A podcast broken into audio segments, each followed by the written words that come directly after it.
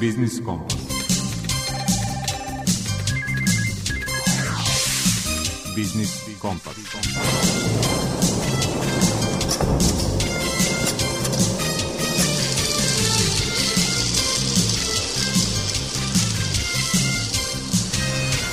Pred mikrofonom je Đuro Vukilić.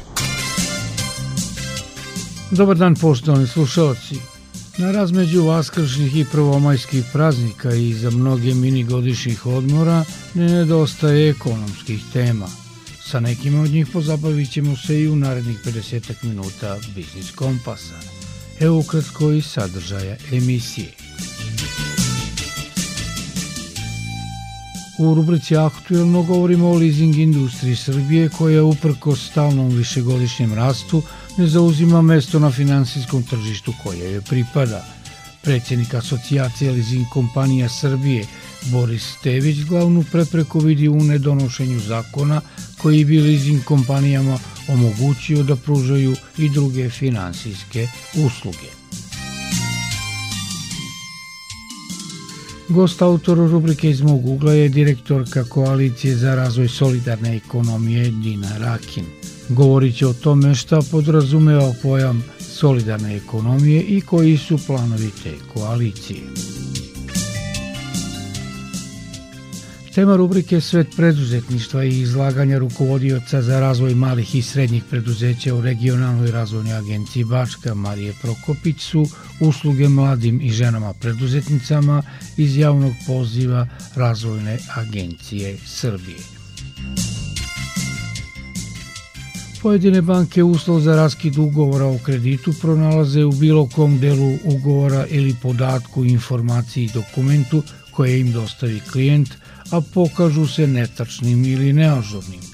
O tome u rubrici Predmet financije govori Nikola Đukić, viši savjetnik u Narodnoj banci Srbije. Pravni savjetnik u Udruženju za zaštitu potrošača Vojvodine Mladen Alfirović u rubrici Potrošačka korpa prava govori o revidiranoj crnoj listi internet prodavaca koji namerno ili nenamerno obmanjuju kupce. Pre najavljenih tema muzička pauza.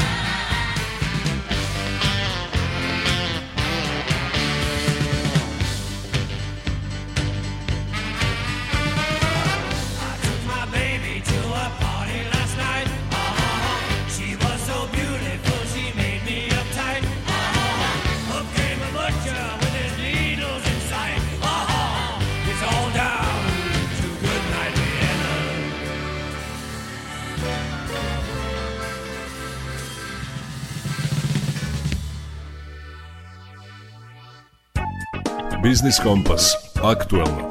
Zahvaljujući višegodišnjem rastu, ukupna aktiva leasing kompanija Srbije dostigla je milijardu evra. Opšta je ocena, međutim, da leasing i dalje ne zauzima mesto na finansijskom tržištu kojemu pripada. Zbog čega pitali smo predsjednika asocijacije leasing kompanija Srbije Borisa Stevića.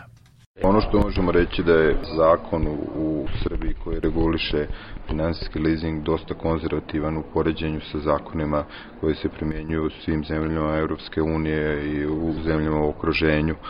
Nama je dozvoljeno da radimo samo finansijski leasing i od skora operativni leasing, dok u drugim zemljama dozvoljeno kompanijama koje se bave leasingom da pored toga rade kredite i neke druge proizvode što im omogućuje da klijentima koji nabavljaju asete i koji nabavljaju automobile, mašine, opremu omoguće više modela za finansiranje samim tim jer leasing i, i veoma privlačni kao proizvod e, nego što je to kod nas.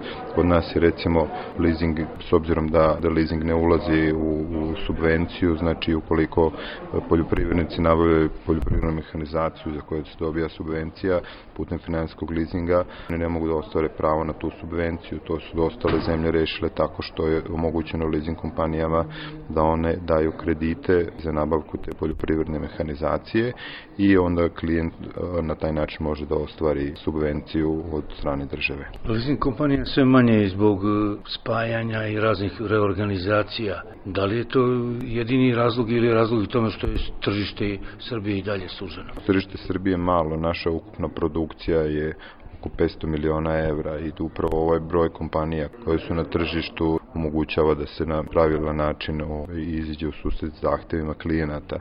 Ukoliko bi došlo do promene zakona, ono što sam rekao, ukoliko bi se omogućilo leasing kompanijama da pored leasinga rade i kredite i neke druge finansijske proizvode, sigurno da bi više bilo zainteresovanih kompanija koje bi htjela da dođu ovde da startuju uh, sa leasing biznisom. Pomenu se da je 500 miliona evra nova produkcija. Koliko je ukupna vrednost biznisa? Da, ukupna aktiva u, je oko milijardu evra u finansijskom leasingu trenutno.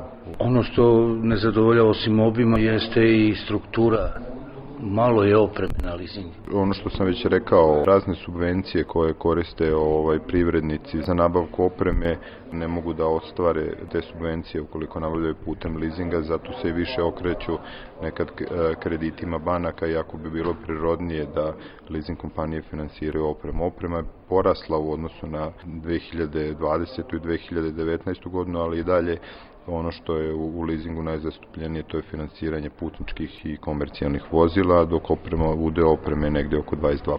Da malo pojasnimo slušalcima šta znači uzimanje na leasing opreme u odnosu na bankarske kredite. Koje su prednosti? Prednosti su pre svega što leasing kompanije ne zahtevaju dodatne kolaterale. Ukoliko ta oprema je utrživa, ukoliko leasing kompanija može da nekom brzom roku da u slučaju da kažem defaulta u slučaju strane neplaćanja klijenta može da realizuje tu opremu, leasing kompanije neće zahtevati dodatne kolaterale, dok banke zahtevaju dodatne kolaterale, hipoteke, o, ovaj, ono što mogu da kažem da trenutne kamate za dugoročne kredite, znači za dugoročno finansiranje na 5 godina su povoljnije kod leasing kompanija za male klijente nego kod banaka. Koliko konkretno?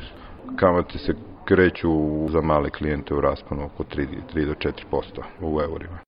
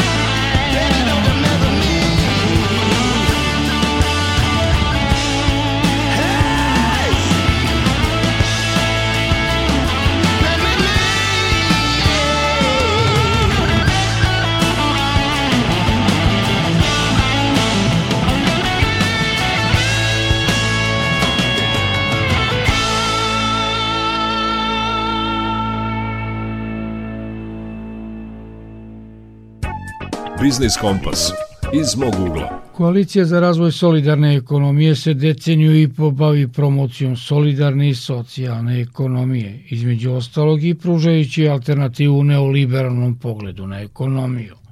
O planovima Koalicije za razvoj solidarne ekonomije u rubrici iz mog ugla govori direktorka te koalicije Dina Rakin.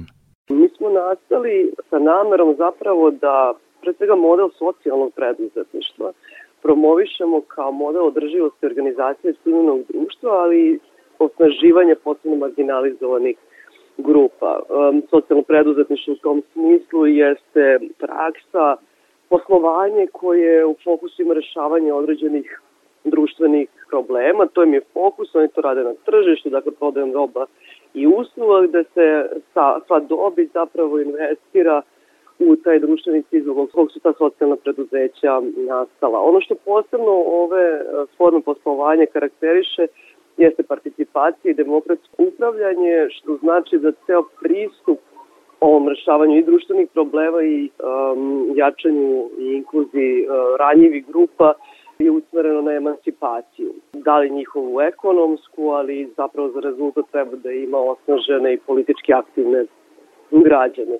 I u tom smislu koalicija nastaje, kažem se, nekih 10-15 godina. Mi smo, to je reći četiri organizacije, Evropski pokret u Srbiji, Smart Kolektiv, Inicijativa za razvoj i saradnju i Trag fondacija. I sve one se bave već duže iz godina upravo ovom temom sa različitog aspekta. Neko razvija finansijske instrumente, neko daje podršku u smislu edukacija, drugi se bave osnivanjem socijalnih preduzeća i tako dalje. Neki su naravno, kao što je Europski pokret, usmereni na uh, usaglašavanje zapravo našeg pristupa sa evropskim trendovima. I negde na sredini našeg razvoja mi smo shvatili da osim socijalnog preduzetništva koje predstavlja to polje socijalne ekonomije, koja je u stvari onaj deo ekonomije koji nikom nešto posebno nije zanimljiv, ni državi da napravi kvalitetni sistem i uh, socijalnih usluga, druge sve privatnom sektoru je on ne isplati, da tako govorimo o socijalnim uslugama. Polje socijalne ekonomije, dakle, čine predstavljate građanske inicijative koje su usmerene na kvalitet života u jednoj lokalnoj zajednici. Jedan od najinteresantnijih primjera je možda nama najpoznatije su zadruge gde može da se vidi upravo usmerenost na, na otpornost u lokalnoj zajednici, na povezivanju i na njihovu ekonomsku osnaživanje. Tako da mi smo iz tog dela e, socijalne ekonomije, gde se cel socijalnim preduzetništvom bavilo, čemu su nam posebno pogodovali i neki globalni trendovi, došli od toga da, ok, pa misli, postoje i socijalna preduzeća, postoje i zadruge, i to je usmereno sad na to neko tržište, jel? Ali šta je sa svim onim inicijativama koje nikada neće biti tržišne i ne treba to da budu? Dakle, različite organizacije samopomoći, a, pitanje različitih političkih pokreta koji nastanu i nestanu. Onda se shvatili da je u stvari važno da se zna o svemu tome, dakle da nezavisno toga da li imate jasno tu uh, tržišnu neku nišu, zapravo mnogo je važnije koja vrednost se generiše u tom nekom zajedništvu, tako da smo u proteklih par godina otvorili tu temu i drugih aktera, uh, osim jel, uh, samih socijalnih preduzeća. I evo upravo smo um, zainteresovani i najviše s time bavim povezivanjem i akademske zajednice i sindikata i zadruga, medija takođe, vrlo nam je važno da se jasno razume o čemu mi pričamo, kako bismo videli koji su to sve tačke neophodne da bi svi oni koji žele a, se baviti i socijalnom ekonomijom najširem smislu, ali specifičnim njenim oblicima, da bi to radili na jedan održiv način i u skladu sa potrebama zajednice. Jedan od zanimljivih primjera dakle, tih socijalnih i solidarnih inicijativa jeste, na primjer, solidarna kuhinja. Dakle, vi, da ljudi iz određene potrebe koje nastaju u određenom trenutku pokušavaju pomoći svojim građanima da bar taj deo elementarnih prava i potreba mogu da zadovolje. S druge strane, ja, to je nešto što nikada neće i ne mora da pretvori se nešto tržišno, već uvek treba da insistira na tome da mi svi treba da se potrudimo da svima budemo mogućnosti da stvorimo određeni resurs koji nedostaje. Dakle, to je to pitanje i volontiranja i solidarnosti i prosto osjetljivosti na, na društvene probleme. Dakle, da je to, to je ta ekonomija o kojoj mi pričamo, ekonomija koja brine pre svega o ljudima, koja brine o životnoj sredini. Dakle, sad je posebno aktualno priča o zelenoj ekonomiji. To su neke, sada da tako kažem, i, i trendovi sa političkog aspekta, ne, ne, u, ne u negativnom smislu, već prosto iz javnih agendi, koje je važno, važno promovisati. Tako da kad govorimo o socijalnoj ekonomiji, svakako u nju inkorporiramo i teme zelene ekonomije, cirkularne ekonomije, dakle razmišljajući o budućnosti, o paživoj upotrebi resursa.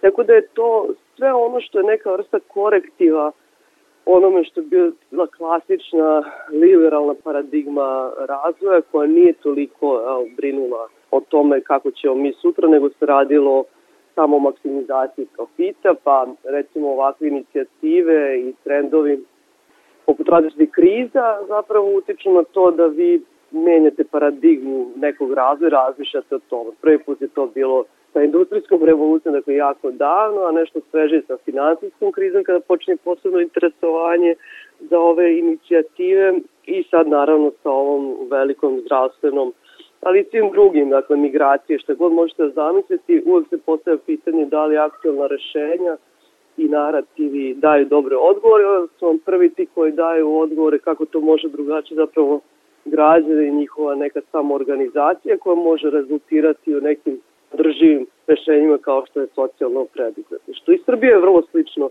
reagovala kao što se to dešava u Europskoj uniji da pokuša nekako regulisati ovaj sektor, prepoznati njegovu vrednost. Deset godina smo se bavili zakonom, koalicija je pred, dosta predvodila sa savjet civilnog društva, ceo taj proces da zakon prepozna sve onoga što jesu socijalno preduzeće u Srbiji i mi smo u februaru dobili solidan zakon o socijalnom preduzetništvu koji sada daje okvir da zapravo bar jedan deo tog sektora socijalne solidarne ekonomije može in, institucionalno da se razvije, što mi mislimo da je važno, zato što vi kad imate institucionalno prepoznavanje, zapravo možete razvijati i nove finansijske instrumente i baviti se ozbiljnom institucionalnom edukacijom i koja će, ako država dobro prepozna neki koncept, ona ima najjače resurse da promoviše taj koncept prema građanima, ali naravno i svim drugim stakeholder.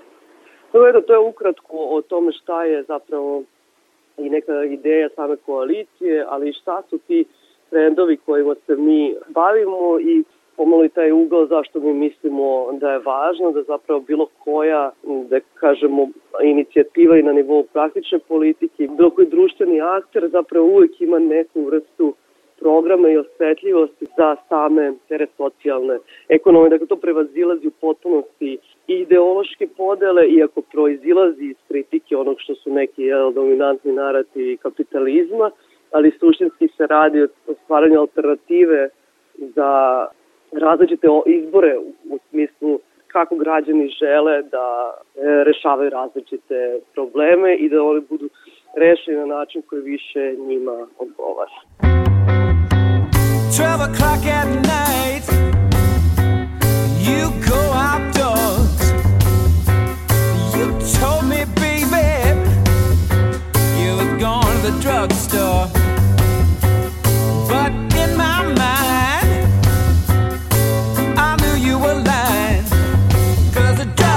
drugstore closed at a quarter to nine I saw you kissing Willie across the fence I heard you telling Willie I ain't got no friends. The way you've been acting is such a drag. You put me in a trick bag. When I come home, you start an argument just to keep me from asking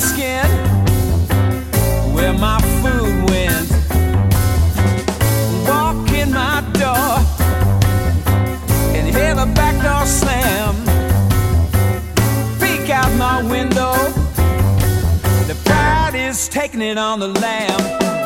And I saw you kissing Willie across the fence. Heard you telling Willie I ain't got no friends. The way you've been acting is such a drag. You put me in a trick bag.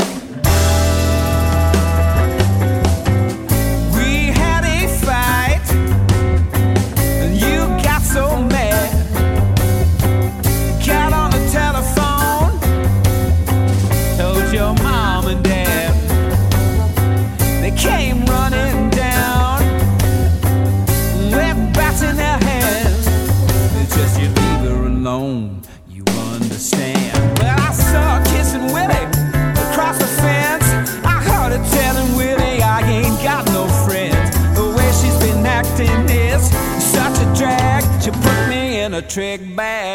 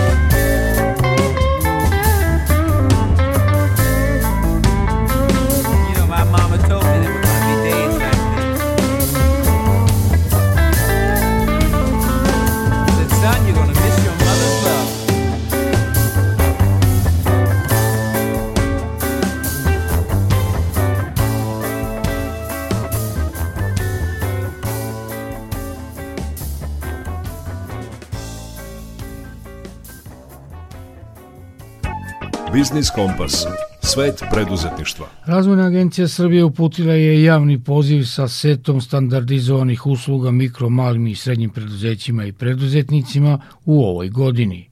Rukovodilac za razvoj malih i srednjih preduzeća u regionalnoj razvojnoj agenciji Bačka Marija Prokopić je iz tog paketa izdvojila usluge mladim i ženama preduzetnicama.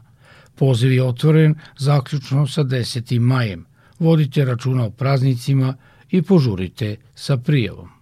Ono što je bitno na početku znati jeste ko može da konkuriše, pre svega a, mladi ljudi starosti od 18 do 35 godina, bez obzira da li su već registrovali privredni subjekat ili ne. Znači mogu biti potencijalni preduzetnici, a mogu biti i oni koji su već registrovali preduzeće ili preduzetničku radnju a, najkasnije 5 godina pre 2022. godine.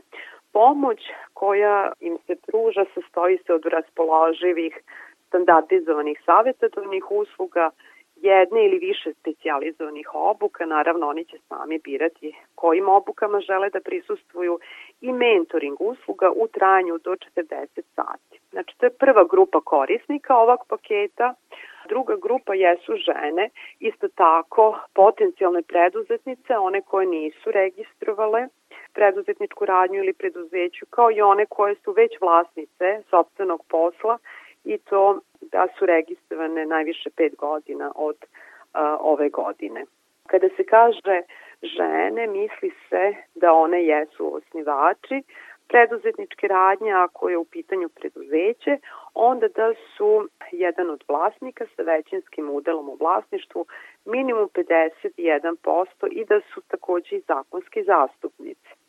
Možda malo sad da objasnim ove usluge koje mogu dobiti u okviru paketa, u okviru savjetodavnih usluga, pomoć u pripremi dokumentacije, izradi poslovnog plana, pri prijemi za programe koji se odnose na početnike, žene i mlade kod Fonda za razvoj Republike Srbije, zatim pomoć pri izradi poslovnog plana za subvencije za samozapošljavanje kod Nacionalne službe za zapošljavanje, ali i kod drugih institucija, kao što recimo Gradska uprava za privredu Novog Sada, kao i pokrajinski sekretarijat za privredu koji takođe raspisuju konkurse za samozapošljavanje, isto tako za raspoložive kreditne linije garancijskog fonda, AP Vojvodine.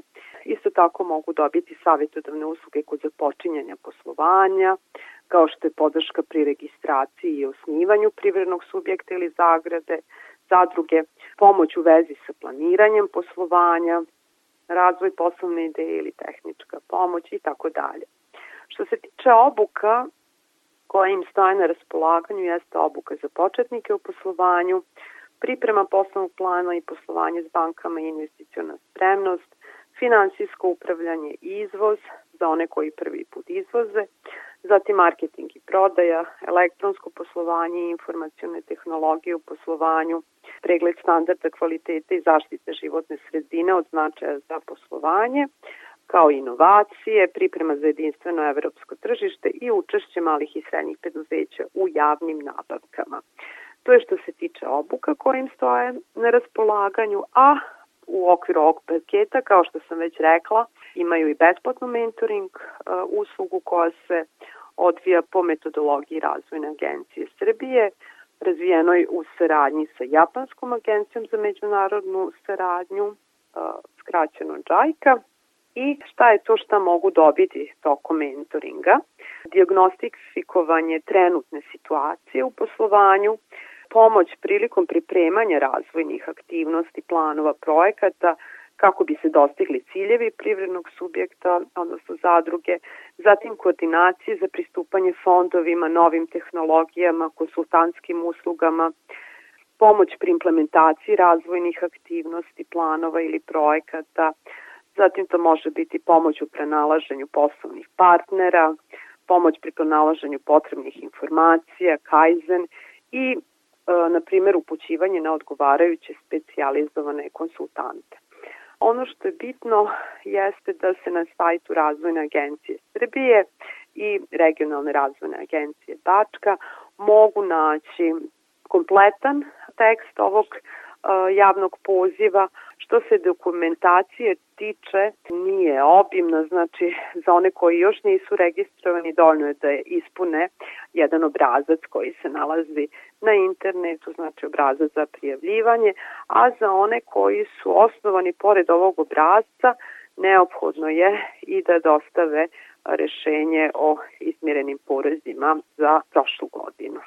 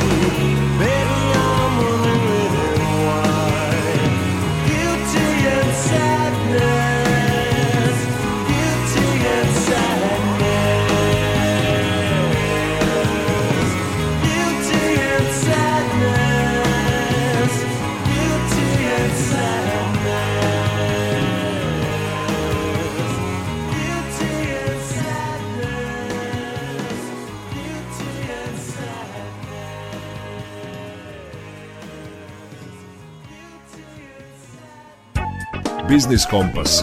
Predmet financije.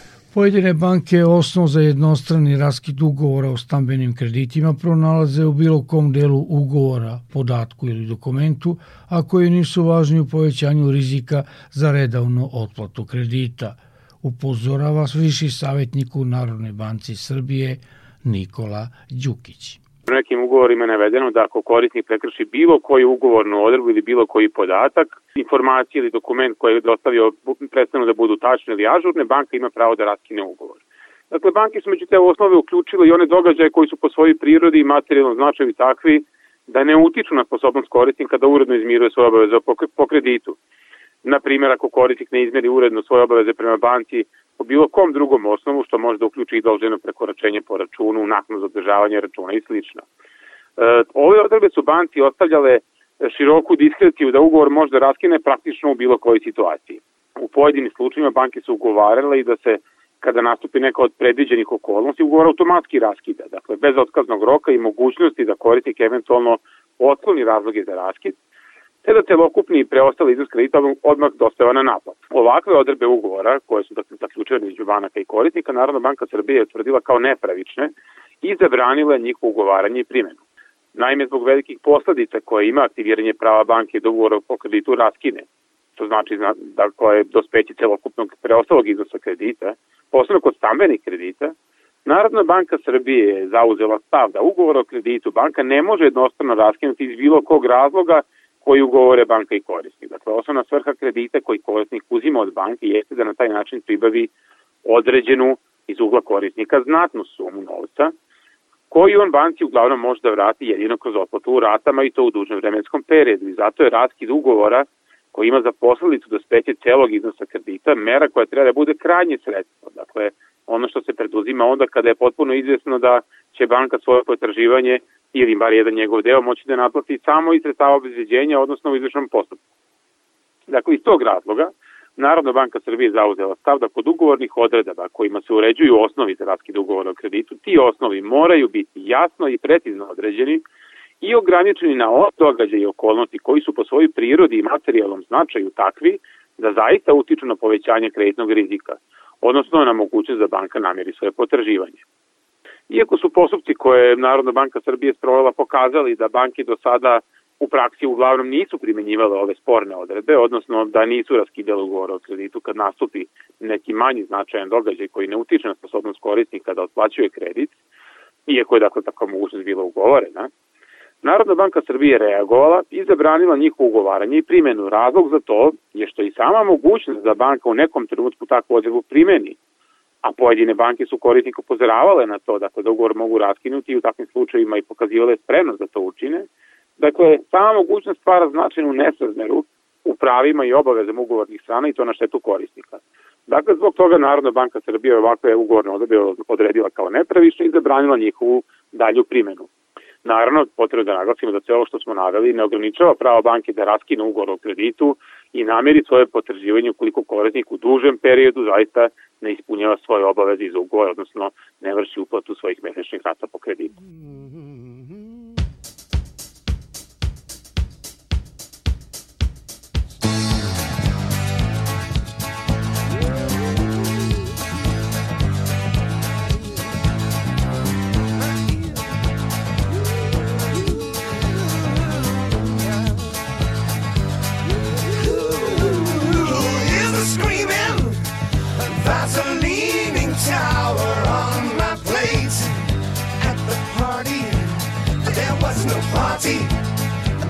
No suitcase, and there was no backseat,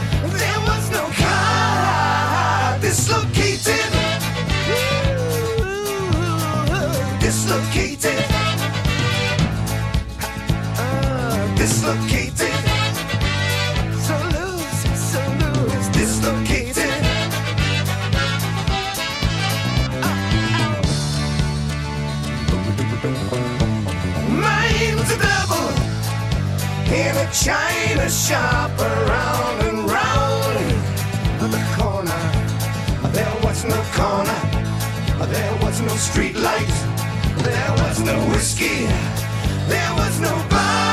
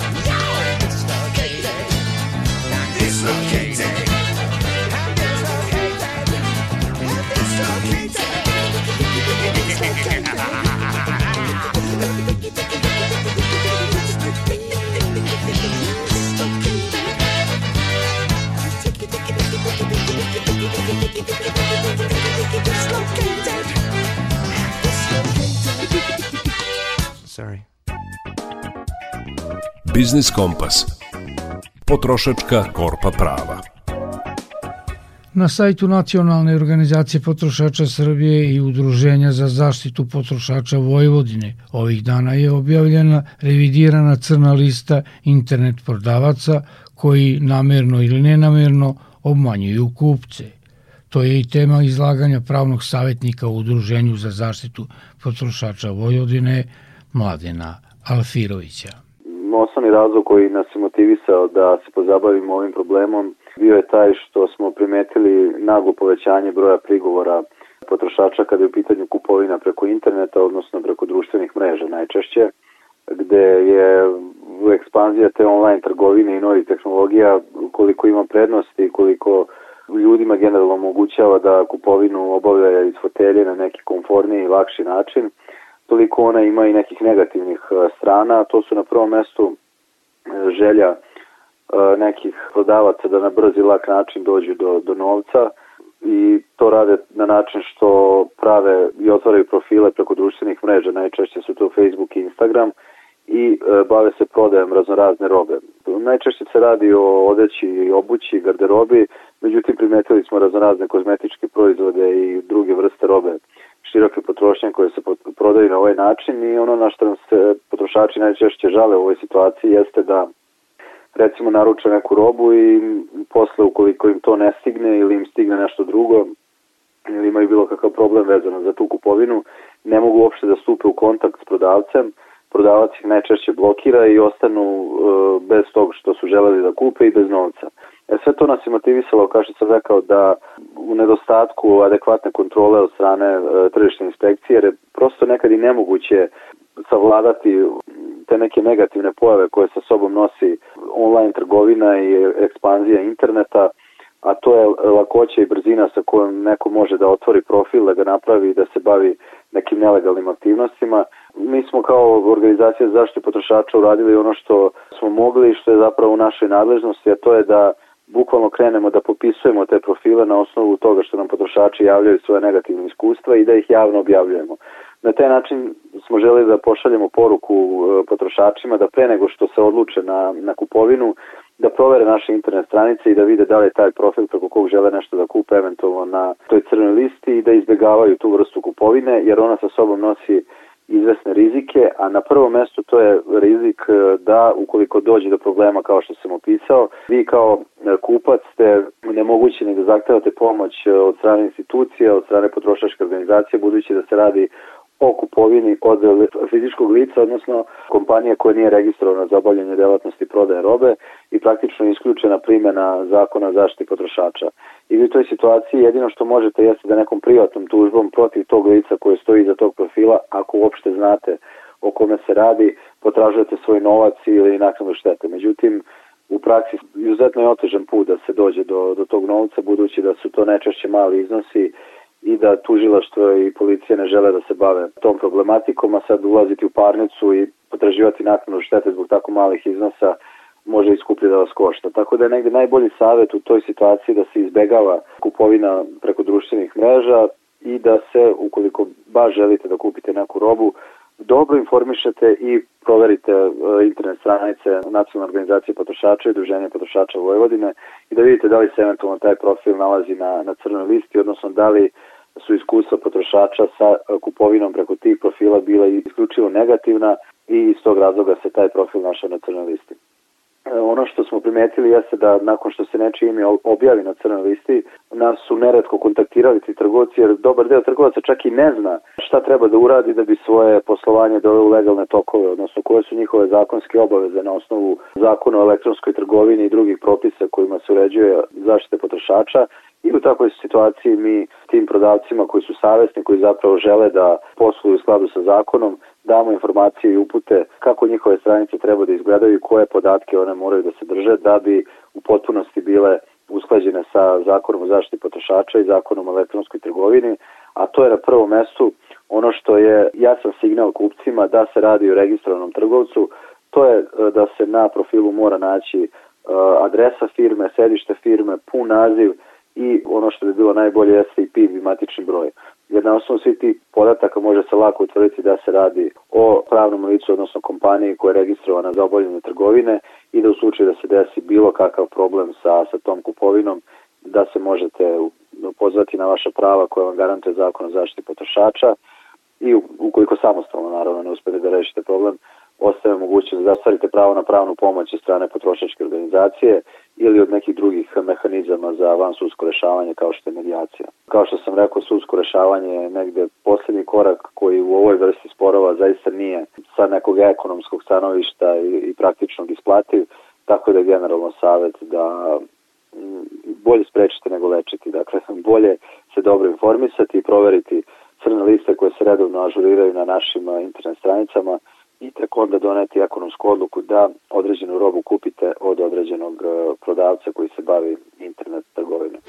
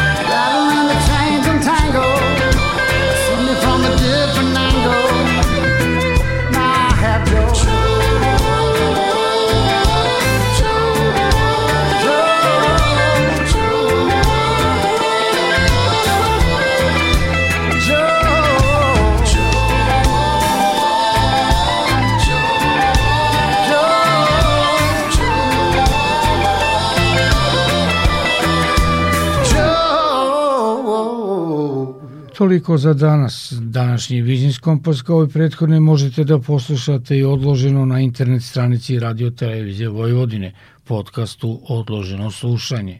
Muzički urednik Zoran Gajinov, ton majstor Violeta Marković i urednik emisije Đuro Vukelić vam žele ugoran nastavak posle podneva uz program Radio Novog Sada. Zdravi bili i čuvajte se.